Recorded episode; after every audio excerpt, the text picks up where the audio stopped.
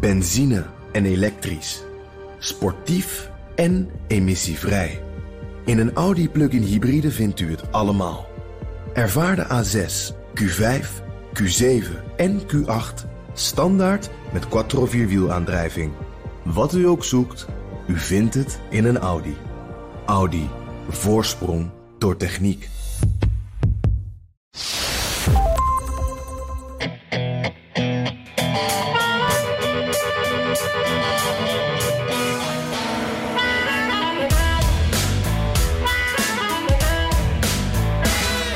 Gaat er een golf van geweld door Amerika met schietpartijen op willekeurige slachtoffers. Met als dieptepunt Buffalo in het noorden van de staat New York, waar een 18-jarige zelfverklaarde fascist en witte nationalist in een supermarkt wel bewust 10 of ik geloof inmiddels 11 zwarte klanten afslachtte.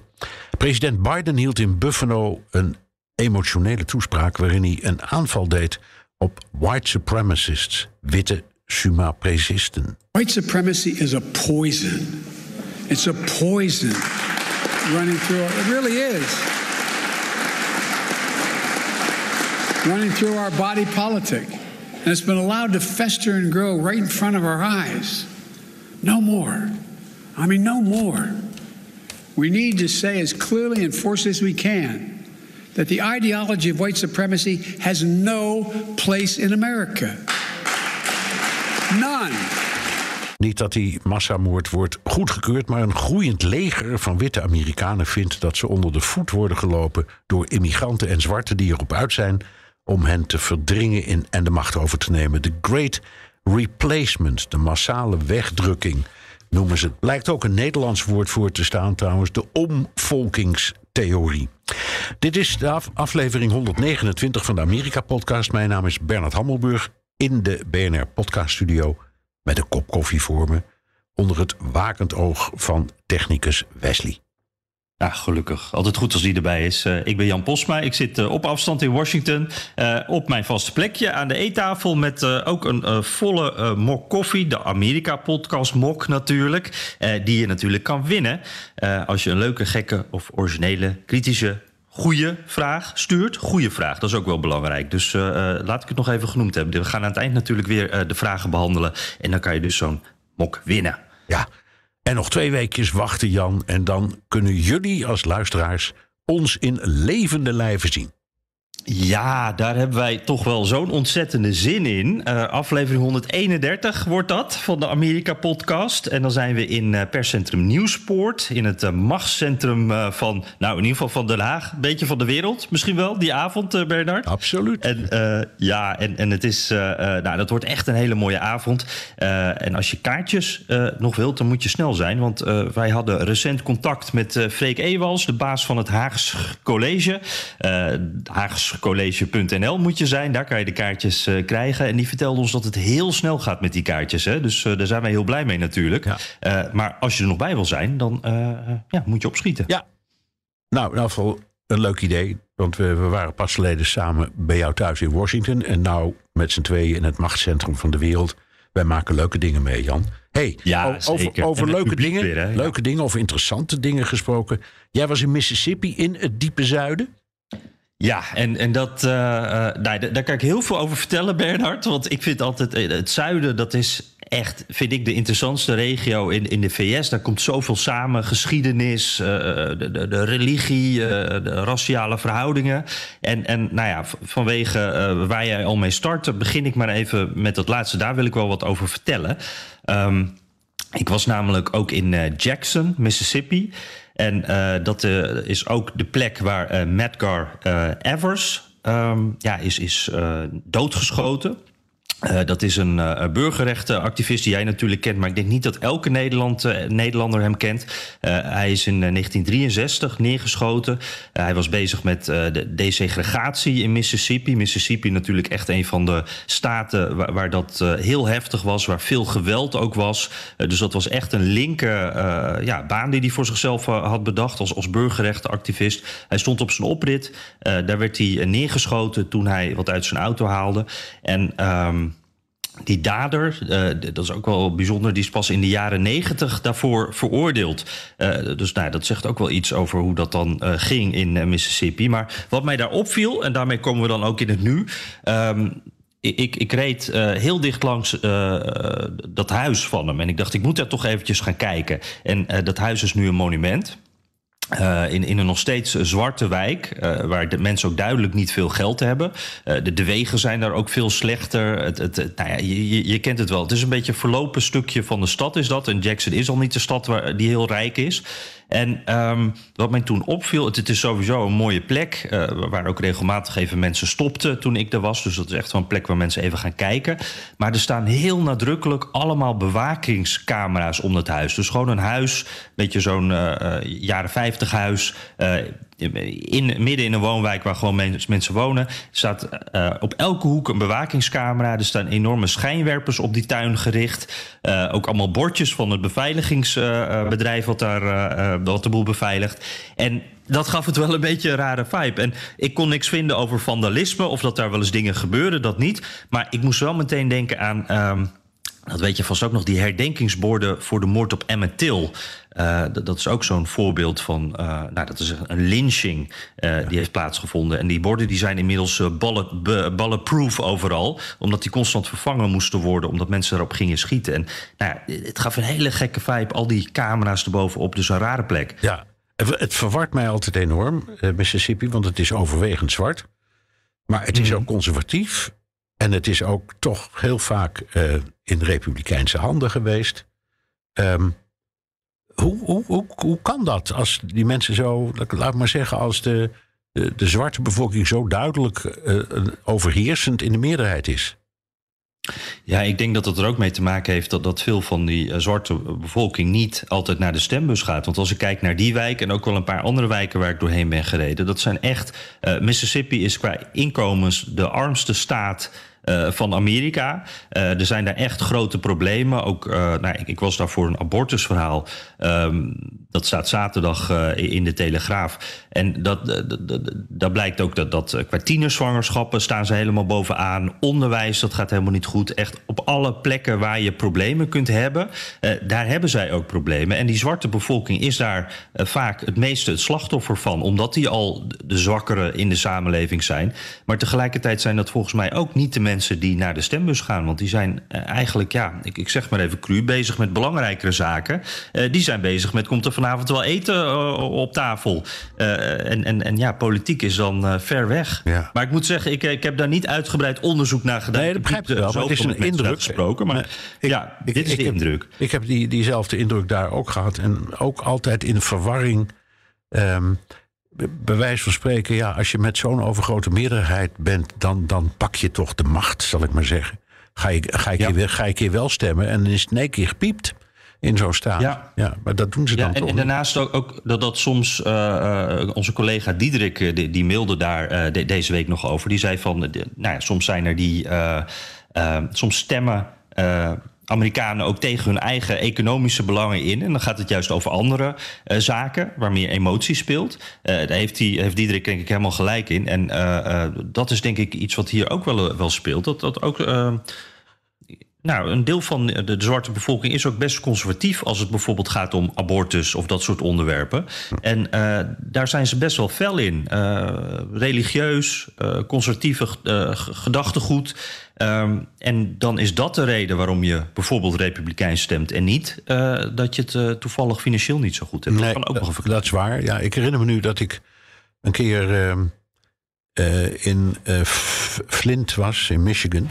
Hmm. Um, en daar was op dat moment de enige autofabriek die daar staat dicht. Uh, omdat uh, het ging slecht. En dan sluiten ze zo'n fabriek gewoon een tijd. En dan wordt al het personeel ontslagen. Hè? En, en heel Flint eh, had maar één werkgever. En dat was General Motors.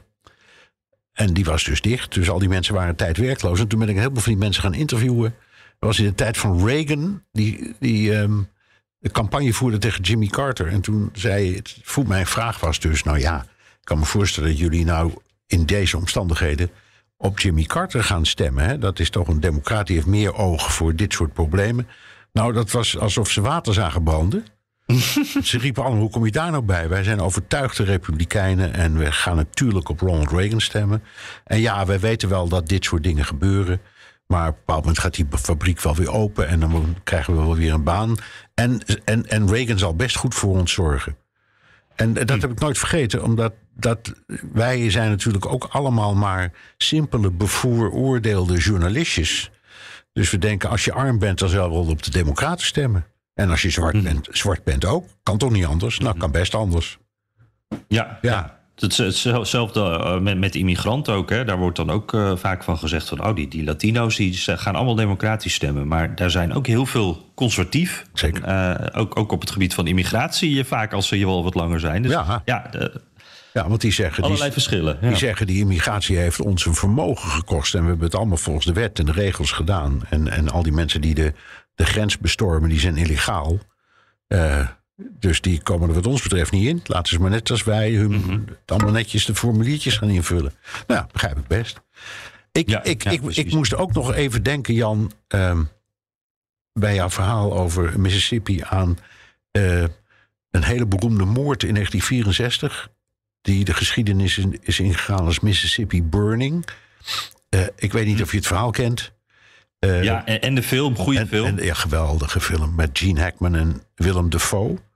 Die speelden daar de FBI-onderzoekers. Maar er waren dus drie burgerrechtsactivisten: James Cheney, Andrew Goodman en Michael Schwerner. En die, die voerden daar campagne eigenlijk tegen de toen nog bestaande apartheid.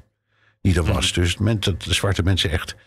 Uh, ja, ja, die mochten overal niet in en zo. En er waren al eh, een enorme toestand. En die zijn ergens op een, op, een, op een weg in de auto uh, gestaande gehouden door leden van de Ku Klux Klan en vermoord.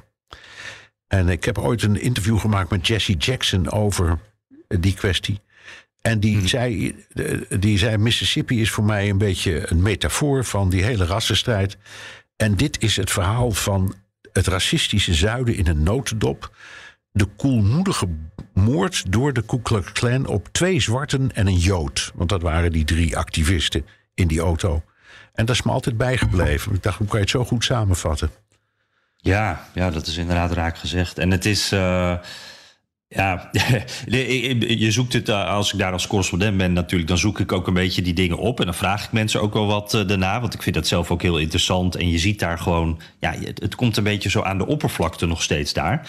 Uh, en ik hoorde daar hele wisselende verhalen ook van mensen. Dat de een, een vraag je dan oh, blank of wit, dat maakt niet zo. Of, uh, sorry, blank of zwart, dat maakt niet zoveel uit. Uh, maar de een die zegt dan van ja, joh, maar we zijn zoveel verder en we willen ook verder als staat. Die verhalen uit het verleden, daar worden we steeds aan herinnerd. Maar kijk eens waar we nu staan.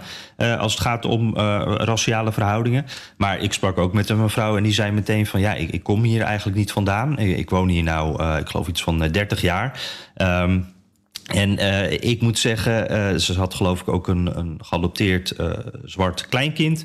En die zei van ja, ik, ik moet echt extra op haar passen. Want ja, het is hier nog steeds, dat racisme. Het is niet eens onder de oppervlakte. Het is er gewoon echt heel duidelijk nog.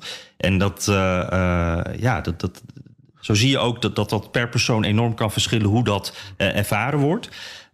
maar ja, wel indringend voor deze tijd, 2022. Ja. Dat, dat, dat is het meest, nou ja, voor mij het meest raadselachtige überhaupt van het land. Dat dat maar niet overgaat. Maar ja. Ja, precies. Ja. Hey, en uh, Bernard, uh, je hoeft er niet voor terug naar uh, nou, bijvoorbeeld 1964 en ook niet naar Mississippi. Want ja, je begon er al mee. Er waren deze week gewoon ja, weer racistische aanslagen. dat, is, dat blijft bizar in dit land. ook toch iets dat steeds terugkomt. Het was deze keer in Dallas, Santa Ana. en natuurlijk, waar je al het over had, in Buffalo, New York. Waar een uh, white supremacist van 18 notabene uh, 320 kilometer reed om in een voornamelijke zwarte wijk uit te komen. En uh, daar in een supermarkt schoot hij, uh, nou, volgens mij schoot hij 13 mensen neer en, en zijn er 10 in ieder geval overleden. voornamelijk zwarte klanten. en dat op een doodgewone zaterdagmiddag in Amerika. Ja, 18 jaar. Piepjong, Jan. Dus net, ja. net geen kind meer. Uh, hij noemde zichzelf uh, op fora en in de, in de, denk de sociale media. Hij noemde zichzelf een fascist en een witte nationalist. Ehm, maar ik had altijd de indruk dat het merendeel van die white supremacists... dat dat wat oudere witte mannen zijn. Ehm, dat kan best gewoon een misverstand van mij zijn. Maar dat dacht ik altijd. Hoe raak je op die leeftijd nou al zo geradicaliseerd? Ja, ik moet zeggen, ik heb dat beeld ook vaak wel een beetje hoor. Van, uh, nou ja, ook in die buurten, dan, dan kom je een oude pick-up truck tegen met zo'n Confederate flag, uh, zo klein. Uh, dan denk ik ook wel even van, nou, dat zou er wel eens eentje kunnen zijn. Maar als je kijkt naar de daders, ook de laatste tijd van dit soort aanslagen, dat zijn vaak jonge mannen. En uh, wat je daar ook wel, jonge blanke mannen ook trouwens, en wat daar ook vaak terugkomt, is dat het allemaal mensen zijn die uh, veel online te vinden zijn, die veel inderdaad op die fora zitten. Beetje op van die plekken die weinig gereguleerd worden. 4chan, dat is zo'n forum waar veel van dat soort mensen te vinden zijn en die daar eigenlijk vrijuit zo'n beetje alles kunnen roepen wat ze willen. En. Uh, daar zit heel veel, heel veel bagger dus ook tussen. En, en deze man, die, uh, deze jongen, die, die schreef een manifest. Dat, ja, ik, ik, we noemen het nu man, manifest, maar tot, ik heb een stukje gelezen. Het, bij een manifest verwacht je dat er ook uh, een lijn in zit. Hè? Dat er een doordacht uh, iets zou dat moeten zijn. Maar ja. dit is echt, het gaat van hot naar her en het, het, het alles door elkaar. maar goed, bij gebrek aan een beter woord, een manifest. Dat zette hij zelf online. En, en ja, dat, dat stond vol met allemaal van dat soort theorieën uit die rechtsextremistische hoek.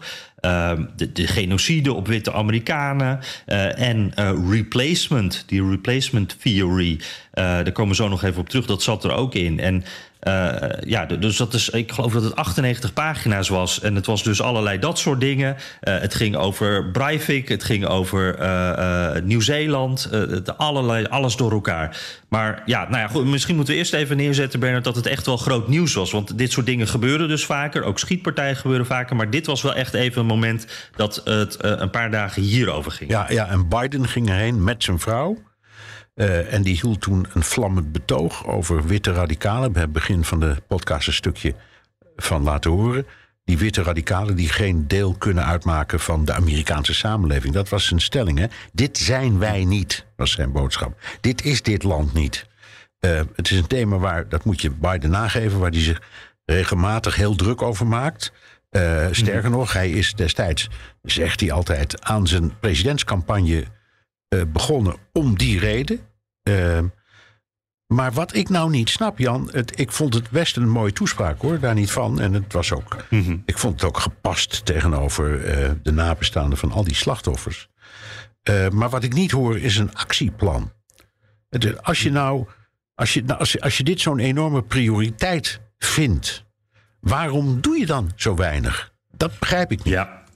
Nee, precies. Het, ik, ik, deed mij ook een beetje op een paar momenten. Was, was het een beetje een Obama-moment. Hele mooie woorden. Maar dan denk je ook daarna van. Maar wat gaat er nu dan gebeuren? En dat, dat is hier denk ik ook zo. En ik heb een. Um, volgens mij was dat de gouverneur van New York. Die, die heeft een oproep gedaan aan de techbedrijven of eigenlijk een oproep aan de politiek om wat te doen aan die techbedrijven. Dat er uh, nou, dit soort manifesten, dat het eerder offline gehaald moet worden. Dat er meer controle op moet zijn. Dat is iets concreets. Maar ook iets wat moeilijk is om te regelen natuurlijk. Uh, vrijheid van meningsuiting, maar ook uh, ja, je moet die techbedrijven maar mee zien te krijgen. Allerlei haken en ogen. En ook eentje aan Fox News. die kwam van Chuck Schumer, de leider van de Democraten. in, in, in, in, in het huis of in de Senaat. En die, um, ja, de, de, dat, daar komen ze ook nog wel even op, want dat ging weer over die replacement theory. Uh, maar wat ik ook meteen zie, is dat het dan meteen enorm gepolitiseerd wordt. Dit soort onderwerpen wordt dan ook meteen een verhaal van... ja, maar jullie democraten willen dit alleen maar omdat jullie tegen ons republikeinen zijn. Dat, dat, wordt, dat wordt meteen gelijk de, de, de, de tweedeling, zeg maar. En dan kom je eigenlijk niet verder. Nee. En ik moet ook eerlijk zeggen, uh, behalve ook ja, strengere wapenwetgeving... en die paar dingen die net genoemd zijn... Uh, het is moeilijk. Hoe, hoe pak je dit aan? Dat, dat, uh, het zijn mannetjes die alleen thuis zitten. Ze zijn ook niet enorm ge, uh, georganiseerd. Uh, maar ze communiceren wel een boel met elkaar, gelijkgestemden. hier was ook het verhaal dat hij nog voor die aanslag, ik geloof een half uurtje ervoor, contact heeft gehad met mensen op zo'n forum. En ja, niemand heeft de politie gebeld. Dus daar valt wat te winnen. Maar ja, hoe? Ik zou het niet weten, Bernard. Nee, nou ja, ik ik zou wat zien in. in uh, dat hebben Amerikanen ook met andere dingen gedaan. Je had, je, hebt, je had na de Tweede Wereldoorlog de Marshall-hulp, ik noem maar wat. Dat was een magistraal programma bedoeld om economieën in de wereld weer op gang te helpen. Waarom wordt er niet een taskforce of zo samengesteld van, met hele grote namen? Van beide partijen. Bijvoorbeeld de oud-presidenten Bush en Clinton, ik noem maar wat. Uh, die allebei overigens op, op, op, op dit terrein alleen maar de beste papieren hebben. Hè. Dus allebei kleurenblinde mannen geweest. Um, en die dan misschien nog een aantal van die, van die hele invloedrijke mensen verzamelen. En gewoon de boeren van het land door gaan trekken. proberen dus echt ja, grote namen in te zetten. En, en naar plaatsjes te gaan zoals waar jij was, naar Jackson. En daar uh, uh, toespraken te houden, te praten met, met wie dan ook. Met de politie, met, met dominees, met leiders van buurten, ik noem maar wat. En dat zie ik hm. niet gebeuren. Dus ik, ik zie ze ehm, wel allemaal zeggen: Oh, wat vreselijk allemaal. En je herinnert je nog die, die laatste hele grote aanslag in de tijd van Obama. Die, daar, die, die hield ook zo'n toespraak. Prachtige toespraak. Tranen liepen over zijn wangen. Maar ook was dat Charles, uh, Charleston? Die was Charleston, ja, Charleston. Maar zelfs daar, ook daar kwam niet iets uit van... en nu is het mooi geweest, nu gaan we echt iets doen. Ja, ja, en maar ene, wat denk je dat daar, wat zo'n taskforce uiteindelijk op zou leveren? Waar zit dat? Zit hem dat in de, in de aandacht die het dan zou krijgen? Nou, het, het, gaat, echt... het gaat erom dat je dan in kaart brengt waar het echt speelt. Nou, dat zijn heel veel plekken. En dat je daar echt naartoe gaat. Nou hoeven dat niet die oud-presidenten zelf te zijn, die daar steeds maar heen gaan. Want die zijn er ook te oud voor. En misschien dat het ook veel, veel te controversieel is. Maar als die uit hun eigen republikeinse en uh, democratische kring een aantal hele grote namen weten te verzamelen. Ja, en, en, mensen uit, uit de kunstwereld. En het maakt mij niet uit. De sporters, van alles nog wat. Mhm. En die uh, stuur je gewoon als een soort verkiezingscampagne langs alle staten. Om, om in buurten en buurthuizen en zomaar uh, uh, mensen bij elkaar te halen. En zeggen: kom op, we gaan, er, we gaan erover praten. En, en, en ook die, die, die white supremacists op te zoeken. En zeggen: kom op. Eh, wat zit jullie nou precies zo dwars? Wat kunnen we daar nou eens aan doen? Dat mhm. gebeurt allemaal niet. Wat daar eh, denk ik inderdaad ook interessant aan zou zijn, is dat dat dan, zoals jij het omschrijft, dat zou partijoverschrijdend kunnen zijn. Ja, dat moet het absoluut. Anders, anders gaat het niet lukken. Ja, en dat zou natuurlijk, maar dat zou ook tegelijkertijd een godswonder zijn als dat lukt. Want dat lukt op dit moment met geen enkel onderwerp zo'n beetje. Maar hier, ja, dat, dat, als je dat voor elkaar kan krijgen. Want het is ook denk ik niet uh, het is niet dat we het niet weten. Uh, de, de, FBI heeft ook uh, wel gewaarschuwd voor binnenlands terrorisme. Dat dat een groot gevaar is. En voor radicalisering. Dat is voor allemaal wel in kaart dat dat gevaar er is. Het is alleen dat er een soort apathie is als we er wat aan moeten doen. En, en daar blijven we nu ook in hangen. En, ja. ja. dus dit zou inderdaad in ieder geval een manier zijn. Bij, bij gebrek ook aan, aan andere manieren. Want ja. ik zou het verder echt niet weten. Maar hoor. er is nog, nog een ding. Nou ja, er is nog een ding. Kijk, meestal, dat gaat hm. nu ook komen komt de discussie op een bepaald moment weer uit op het wapenbezit. Ja, en dat is, dat is echt een, dat is een repeterende breuk. Daar komt steeds hetzelfde uit. Er is nog nooit een president tegen het Tweede Amendement geweest. Dus tegen wapenbezit. Ook de huidige president niet. Ook zijn voorgangers niet. Niemand. Um, dus dan krijg je een discussie over, nou ja, moeten we misschien beter toezicht hebben op die zware wapens. En dan heb je het niet meer over het echte onderwerp, namelijk de haat. Mm -hmm. en, ja. en de angst voor elkaar. En de, al die dingen die, die onderhuids leven, waardoor mensen zo graag zich bewapenen en ook naar die wapens grijpen. En zoals deze jongen, want daar hadden we het over op zijn achttiende, meer dan 300 kilometer gaat rijden om een plek te zoeken waarvan hij zeker weet dat daar heel veel zwarte klanten in een supermarkt zijn. Want dat is, is wat er is gebeurd. En dat moet je benoemen. En je moet, denk ik, je moet die, je moet die gebieden in en je moet, je, je moet de discussie aangaan met alle partijen. Afijn. Ik heb makkelijk praten. Hè? Nee, ja, nee, maar ja, ja, het is wel waar. Het, deze jongen doet me ook denken aan uh, die jongen in El Paso een paar jaar geleden. Die reed ook honderden kilometers. Toen was het tegen Latino's, maar met dezelfde gedachten. Ja. Hetzelfde resultaat. En, oh. ja. Nou, brengt ons op een zaak. We hebben het al even een paar keer genoemd. Die er dwars doorheen speelt. Conservatieve republikeinen die zeggen... witten worden weggedrukt. Discussie speelt in Nederland ook. Is toevallig de laatste dagen nieuws over. Dat heet de omvolkingstheorie. Biden zegt uh, dat er uh, te veel nadruk is op de positie van zwarte. En, nog veel erger. Ja, dat wordt hem ver verweten. Wordt hem verweten, ja. ja. ja. hij zet de grenzen open, dat, dat zeggen ze. Uh, mm -hmm. Dat is natuurlijk helemaal niet waar, maar het is inderdaad wel een ramp aan die grens. Dus het land stroomt vol met, uh, met uh, immigranten, voor een groot deel illegaal.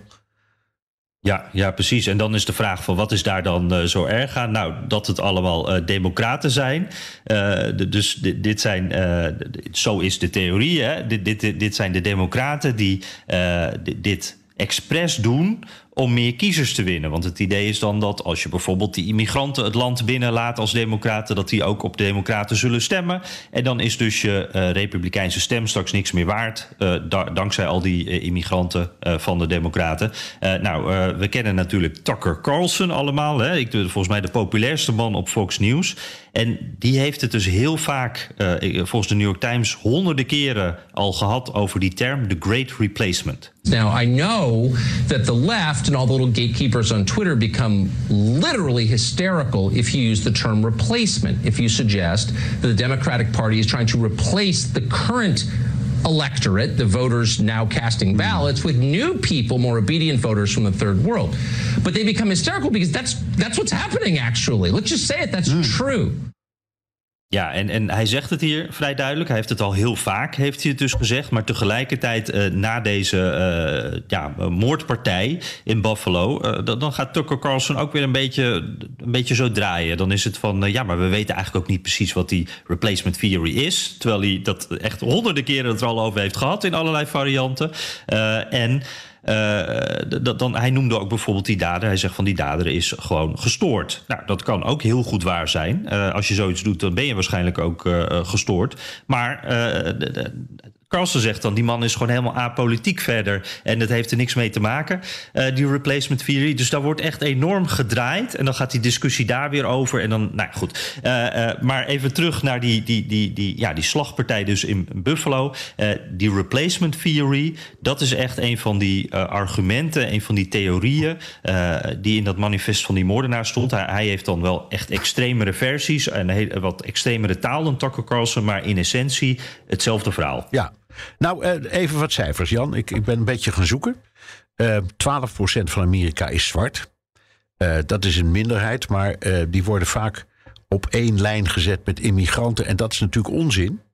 Want zwarte Amerikanen die zijn net zo Amerikaans als witte Amerikanen. En als je kijkt naar bijvoorbeeld als je gaat zoeken naar roots, hè, naar familiegeschiedenissen, dan zijn die zwarte families vaak al langer in, in de Verenigde Staten dan heel veel hm. witte Amerikanen. Ja, niet niet te min gebeurt er iets geks in het hoofd van heel veel mensen die zeggen: ja, een minderheid die kun je dus op één lijn zetten met immigranten. Wat dat is flauwekul. Nou goed, dat is 12 procent. 17 procent is Latino. Um, en op de totale bevolking van 341 miljoen mensen is 14 procent immigrant. Uh, en daaronder zijn ook heel veel witte mensen. Uh, en ook, wat jij net zelf ook wel aangaf, waarschijnlijk mensen die als ze ooit het staatsburgerschap zouden verwerven, misschien gewoon ook republikeins zouden stemmen. Je weet helemaal niet of het allemaal democraten zijn. Uh, maar, maar toch, in, in een land dat twee derde wit is. Um, en je luistert naar die replacement beweging, dan, dan denk je dan niet, ik snap er helemaal niks van. Er is helemaal geen gevaar, joh. Die, die, die, ja. wit, die, die, die witte Amerikaan is nog steeds ruim in de meerderheid. En die wordt helemaal ja. niet uh, vervangen.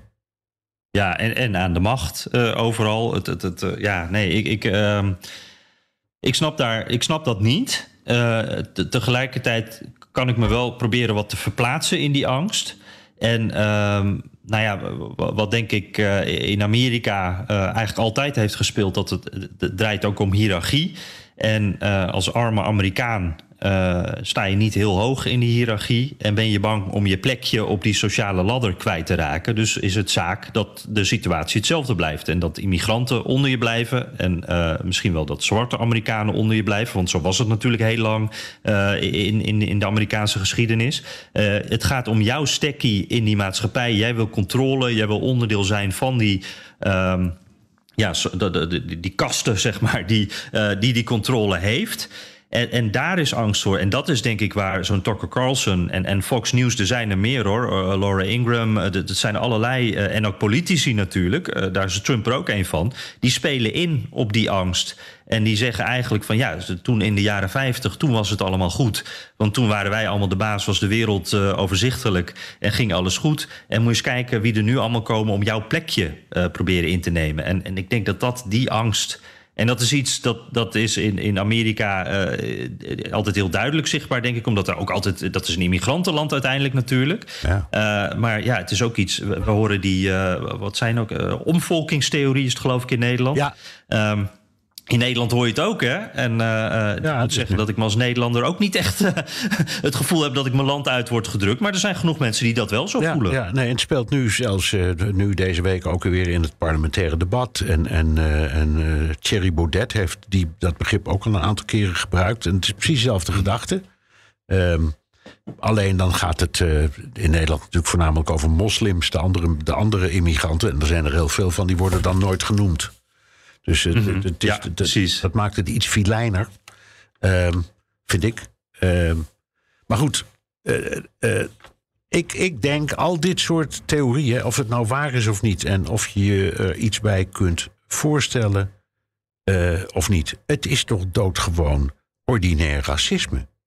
En dan, en dan gebruiken ze allerlei argumentatie. En Tucker Carlson die, die gebruikt dan eh, de eh, termen. En denk je, nou, dat is een soort sociologisch vertoog dat hij daar houdt. uh, ja, ja. Maar, maar, het is toch doodgewoon racisme? Of vergis ik me nou? Ja. Nee, ik, ik denk dat, dat je, wat jij zegt, dat, dat is inderdaad een heel goed punt. Dat, dat ze, het, ze verpakken het met sociologische termen. En, en dan, uh, dan, klinkt, dan wordt het heel eufemistisch eigenlijk gebracht. Uh, maar dit, ja, het is uiteindelijk gewoon racisme. Heel duidelijk racisme ook. En, en juist door dat soort uh, termen te gebruiken. Uh, en ook het steeds over randzaken te hebben hierin. en die eufemismes te gebruiken. gaat de discussie ook heel vaak dus niet over het racisme hierin. want de discussie die komt dan al niet verder dan... hé, hey, maar het is helemaal geen racisme. Ja, het is wel racisme en daar blijft het dan hangen. En, en dat is denk ik ook een groot probleem. Ook, nou ja in het kader van wat jij eerder zei, van wat een taskforce zou kunnen doen, het land ingaan om uh, nou, dit soort dingen in kaart te brengen en om dit goed te omschrijven. Ik denk dat dat echt een ding is. Uh, ja, maar die zou. Die zou wetgeving, het gaat ja, over dit, het gaat over dat. Die, zouden, die zouden misschien ook gewoon naar de grens moeten. En zeggen, hmm. zeggen, we horen al die verhalen en we weten wat alle partijen hierover vinden en zeggen. We gaan eens kijken wat we daar kunnen doen. Hoe kunnen we die mhm. burgemeesters nou helpen? Hoe kunnen we de grenspolitie, waar alleen maar op wordt gekankerd. Uh, hoe kunnen we die nou eens een beetje een ruggensteuntje geven? Hoe kunnen we mhm. helpen aan een ontmoedigingsbeleid. wat echt nodig is voor immigratie? Er zitten allerlei kanten aan. Dus je moet niet mhm. een politieke kant kiezen. Dat, dat, daar moet je van wegblijven. Je moet het probleem van alle kanten durven benaderen. Dat, dat, ik, ik geloof er echt in hoor.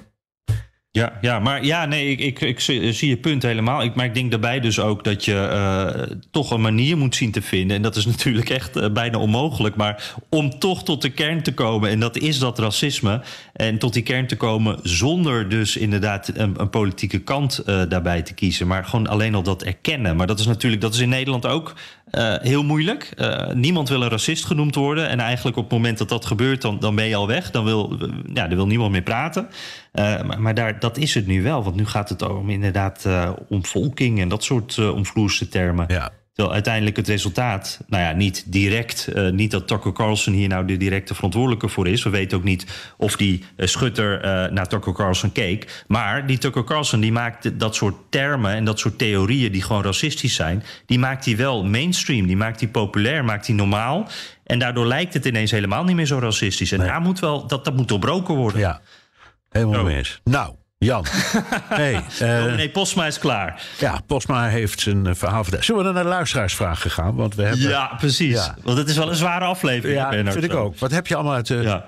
post en de WhatsApp gehaald? Want de luisteraar weet het inmiddels. Je kunt ook vragen inspreken of als tekstboodschap sturen naar de Amerika Podcast WhatsApp.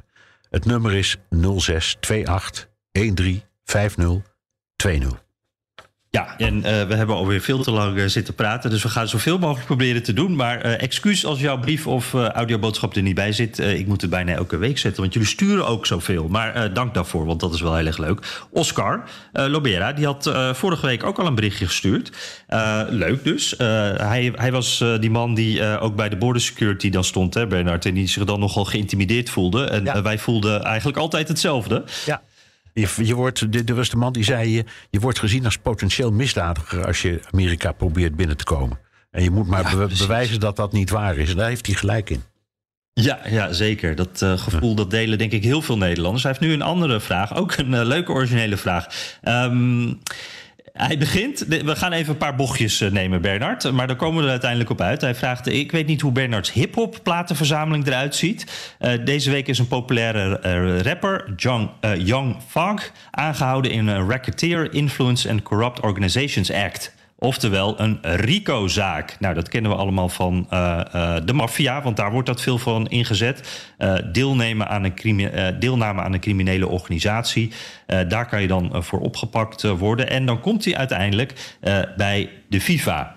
in 2015 was er een, een groot onderzoek, of tenminste dat draaide rond, uh, nou en jou, een paar jaar geleden was er een onderzoek naar de FIFA. En uh, die zit natuurlijk in Zwitserland, maar het was Amerikaanse justitie die uh, die FIFA-leiders uh, ging vervolgen. Um, en hij zegt van ja, dat zie je wel vaker. Ook als drugsbazen uit andere landen kunnen worden uitgeleverd aan Amerika. Of er is bijvoorbeeld een hacker ergens in de achter, achterhoek. Dan worden die gewoon uitgeleverd. Gaat Amerika, die gaat ze dan vervolgen. Hoe komt dat nou? Komt dat door die RICO-wet? of is er een andere reden? Hoe zit dat? Hoe zit het dat de FIFA, dus dat dat niet uiteindelijk tot niks... dat ging over, dat ging Blatter, hè, dat onderzoek. Als ik het me ja, wel herinner. En al die mannen eromheen en omkopen. Ja, en dat is, uh, dat is uh, door een, uh, inderdaad een hele gedreven Amerikaanse advocaat allemaal onderzocht. En die kwam ook met vreselijke conclusies. En inderdaad, uiteindelijk is daar niks gebeurd. Dus de, ik weet ook niet of er om uitlevering is gevraagd. Kan me niet meer herinneren. Um, nou, ja, ik, ik, weet, ik weet het ook niet meer precies trouwens hoor. Maar ik weet in ieder geval wel nog dat er echt wel uh, heftige conclusies waren. En dat er ook een Amerikaan, Charles Blazer, dat kan ik me nog wel herinneren, die is inmiddels overleden. Uh, maar, maar, dat, dat, een van, dat was de spil daarin. Ja. Volgens mij, want de vraag was dan ook een beetje: waarom doet de Amerikaanse FBI dan iets wat zo internationaal is? Ik denk dat dat dus met die Blazer te maken heeft. zou heel goed kunnen. Ik weet het niet meer. Hm. Nee, sorry.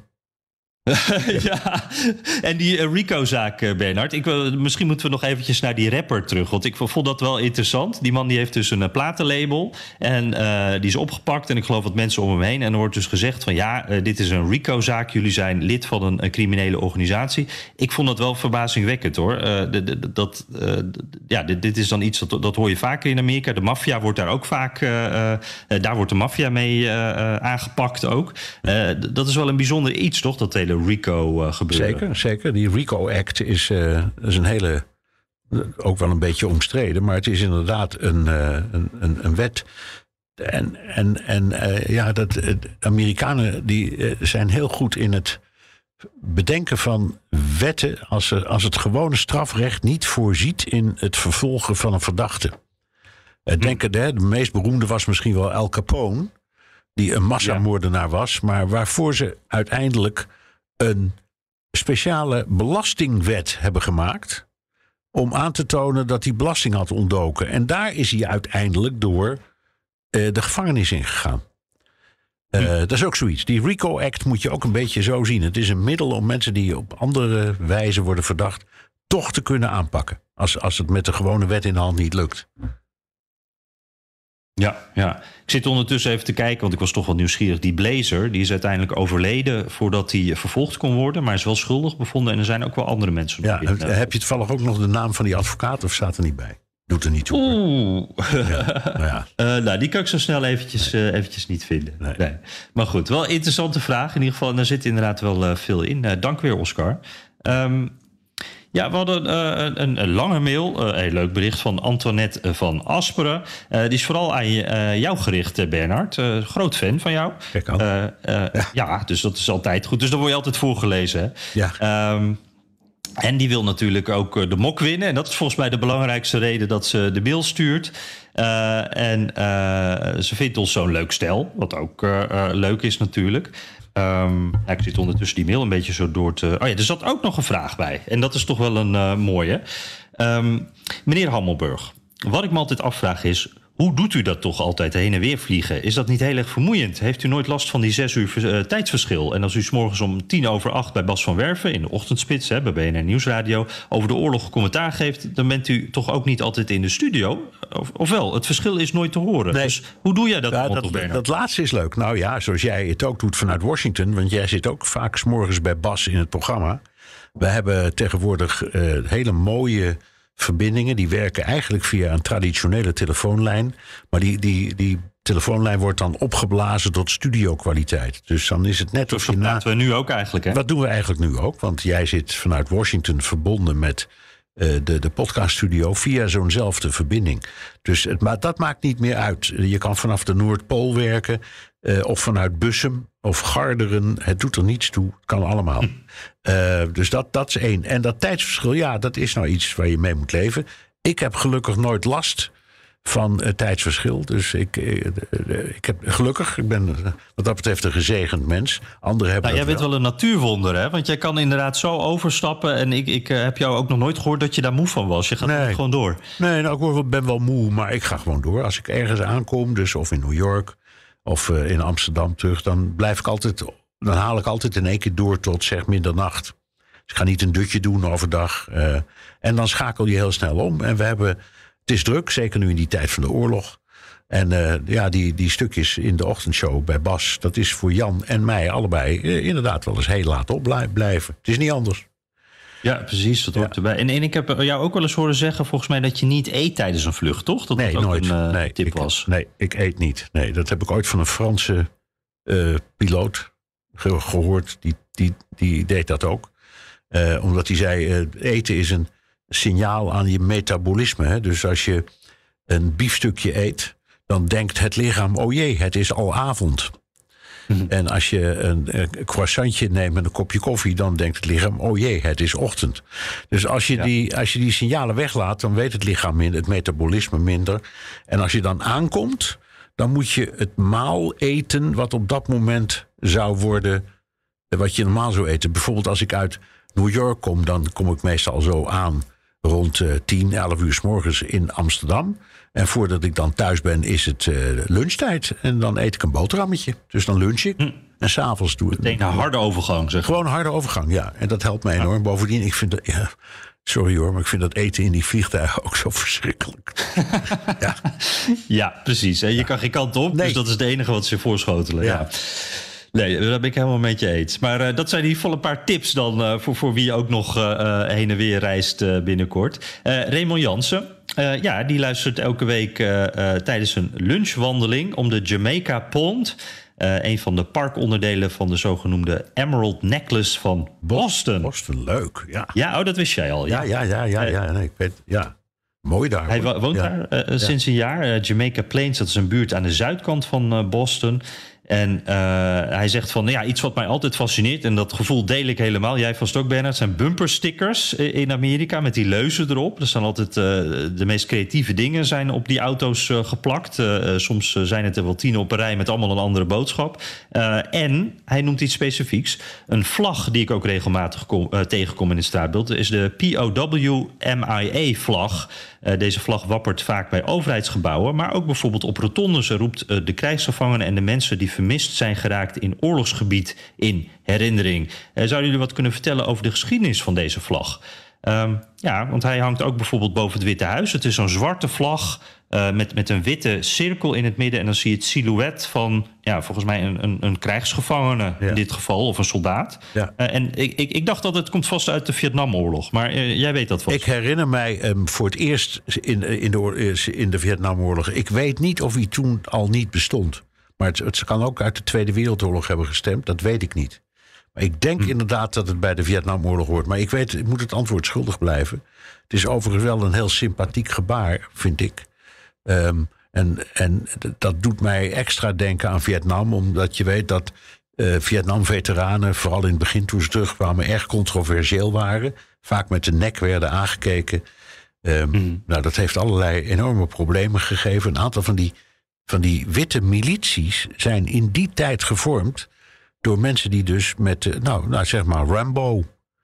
Mensen die, die, die van het spoor zijn geraakt omdat ze met de nek werden aangekeken en in de bossen in, eh, in, in het noordwesten van Amerika clans zijn gaan vormen. Eh, En dat is door Ronald Reagan allemaal benoemd en beëindigd. Die zei dus: we moeten mensen die hun nek hebben uitgestoken voor dit land op die manier eren. En of je het nou wel of niet met zo'n oorlog eens was, is niet van belang. Het zijn onze helden. En dat heeft Ja. enorm geholpen. Dat was echt ook heel verstandig dat hij dat heeft gedaan. En ve- veteranen staan ook in hoog aanzien. Dus je hoeft, je hoeft niet alleen dood te zijn. Eh, je mag ook gewoon nog leven. En gelukkig eh, eh, is het land, op, wat dat betreft, staat heel erg. Het ja, staat gewoon aan de goede kant. Mensen die bereid zijn voor hun vaderland te sterven, die verdienen de steun en ook de eer die ze toekomt. Zo mooi. Ja. Ja, ja, in dit geval dus ook de families van vermiste soldaten. Ja, precies. Eh, en, en dat dat van die, ja, van, van die vlaggetjes en van die, nee, van die, van die bordjes. Ja, ik, ik, ik was een keer, ik had een, een, een, een vriend in Amerika of in New York, die was eh, eh, rechter. Is helaas heel jong overleden, maar dan had ik heel veel gesprekken over cultuur. En toen zei ik ook, waarom staan er toch overal bordjes en waarom roepen jullie te pas en te onpas I love you als je eigenlijk alleen maar bedoelt hoe gaat het vandaag? Hè, dat zijn, van die standaard dingen. Love you, Ja. roepen ze dan. In plaats van Ja. have a nice day, kan je ook roepen love you. Nou, en hij zei, ehm, Americans like to announce their feelings. Dus Amerikanen vinden het heerlijk om hun gevoel met de wereld te delen. En Ja. daarin passen ook al die, al die bumperstickers. Dus ze Ja, willen laten ja. zien wat ze voelen en denken. Dat, vind- dat vinden ze belangrijk. Nou, wij, Ja. wij, wij leven in een Calvinistisch land in Nederland. En we doen dat dus wat minder. Hou dat nou allemaal maar voor je en doe maar gewoon. En zo. Maar Amerika niet. Die Hmm. Amerikanen zeggen nee hoor. Als jij voor een politicus bent, dan mag je dat heel uitbundig laten zien met een grote sticker op je auto. Ja, precies. Ja. Ja, ja, ja, ja, mooi. Ja. En dat, daardoor zie je dus ook al die oude, oude stickers dan. Hè. Ik vind dat altijd mooi dat je van Ja, leuk, van vier tot acht jaar geleden, twa- echt twaalf jaar geleden. En dan denk ik altijd van, oh ja, die, die heeft niet gewonnen, maar je hebt nog steeds die sticker op je auto. Daar moet toch wat iets van eh, een gevoel van wrok zijn. Ja, dat, ja, ja het zijn vooral democraten hè, die die dingen dan laten zitten. Ja, ja Let dat maar eens op, let maar eens op. Ja. Dat Ja. is waar. Dat is Ja. waar. Hey, eh, even kijken hoor, want we moeten al een beetje eh, afronden. Want eh, ik, moet zo weer de uitzending in. En jij misschien ook wel trouwens. Eh, want dat gaat ook allemaal gewoon door. Ehm, zullen we anders nog even eh, die, eh, een, een audiovraag doen? Oké. Mijn vraag Lukt is als dat? volgt. Sleepy Joe heeft momenteel behoorlijk wat zaken tegen zich die deels out of his control zijn. Stel dat er in Oekraïne komende tijd groot succes worden geboekt en dat er wellicht een staakt het vuren of een soort vredesakkoord komt. Denken jullie dat Biden dit feit met succes kan gebruiken om zijn approval rate op te krikken? Een president die succesvol bezig is met een oorlog is immers in de zin altijd gestegen de pijlen, zover ik weet. Ga vooral zo door. Jullie zijn een dreamteam. Ja.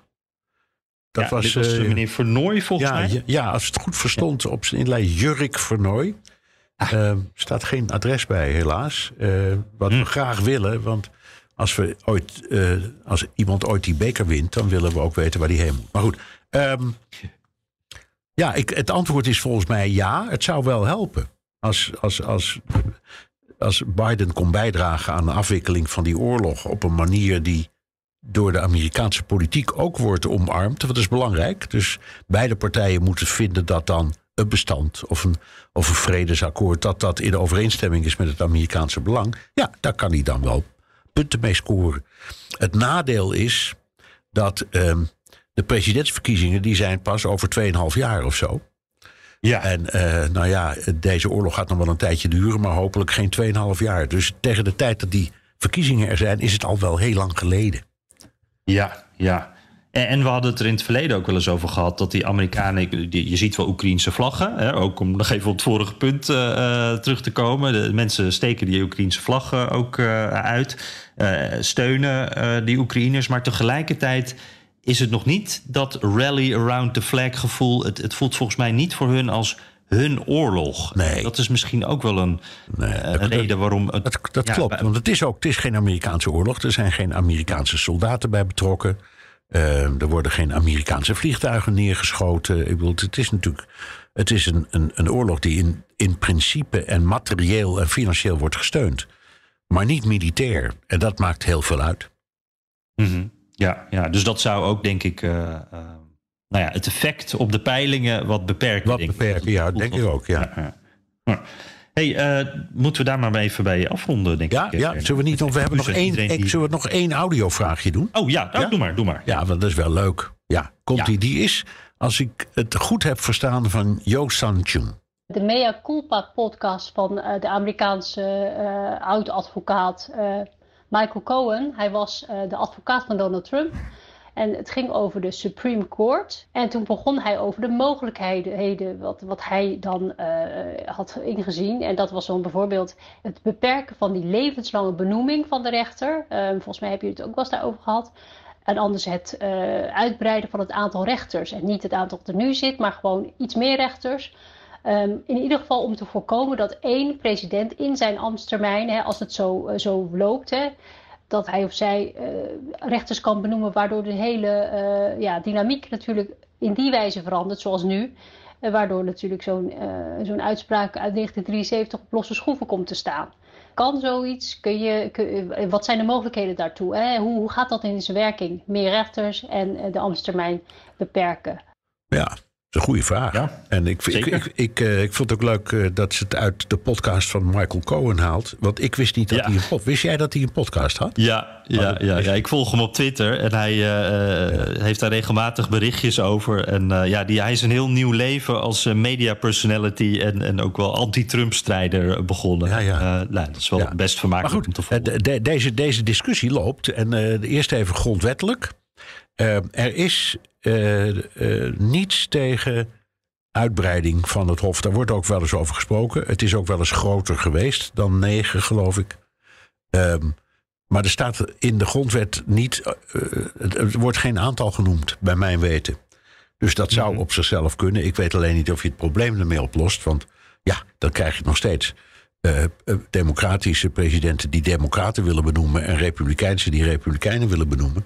Dus ik weet niet ja. precies wat het. Uh, ja, en, en die benoeming voor het leven, dat, dat, de, ik, ik, ik vrees dat dat uh, onbespreekbaar is. Hoewel ik het een volkomen terecht standpunt vind. Het zou heel goed zijn als die mensen gewoon op een bepaald moment met pensioen gaan. Nou ja, dat is er nu één die dat heeft gedaan. Maar het komt zelden voor.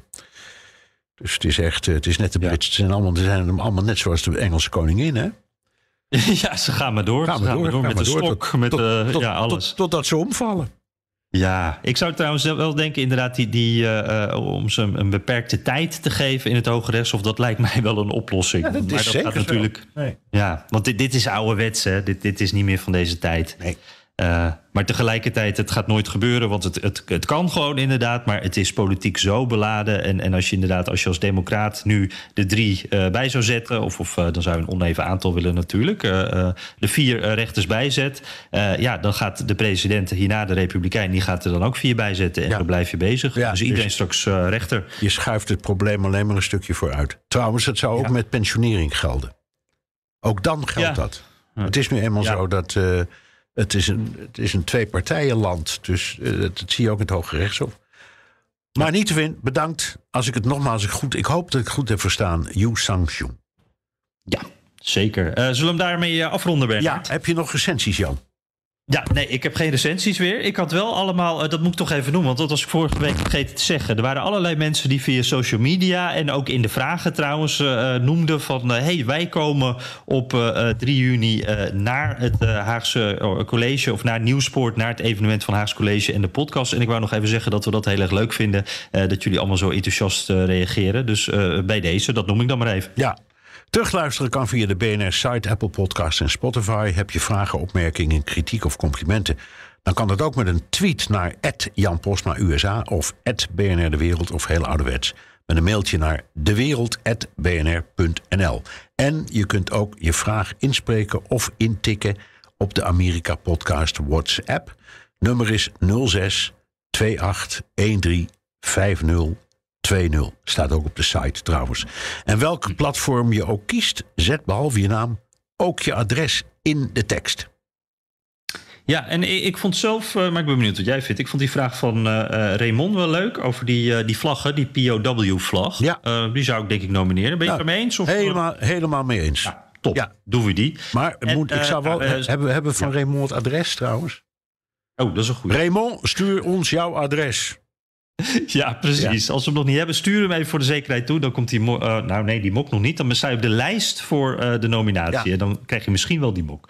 Eh, hey, en zoals altijd, laat ons ook even weten hoe je naar ons luistert en waar. Of dat nou uit Boston is of van een hele andere plek. Vinden we altijd leuk om te horen. En ik noemde hem al net eventjes. Kom naar die live-opname van de Amerika-podcast met Bernard en met mij in Nieuwsport in Den Haag. Met een heleboel gelijkgestemden ook. Het eh, belooft een eh, flink volle zaal te worden. We hebben er heel veel zin in. Het wordt een mooie avond. 3 juni.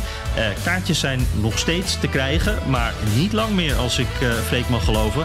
Haagscollege.nl en dat is Haags met SCH, dus haagscollege.nl. Voor nu zeg ik dank voor het luisteren en Bernard, tot volgende week. Tot volgende week, Jan.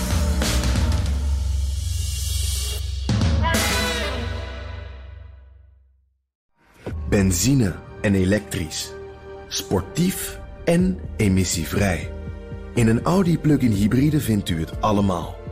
Ervaar de A6, Q5, Q7 en Q8 standaard met quattro vierwielaandrijving. Wat u ook zoekt, u vindt het in een Audi. Audi. Voorsprong door techniek.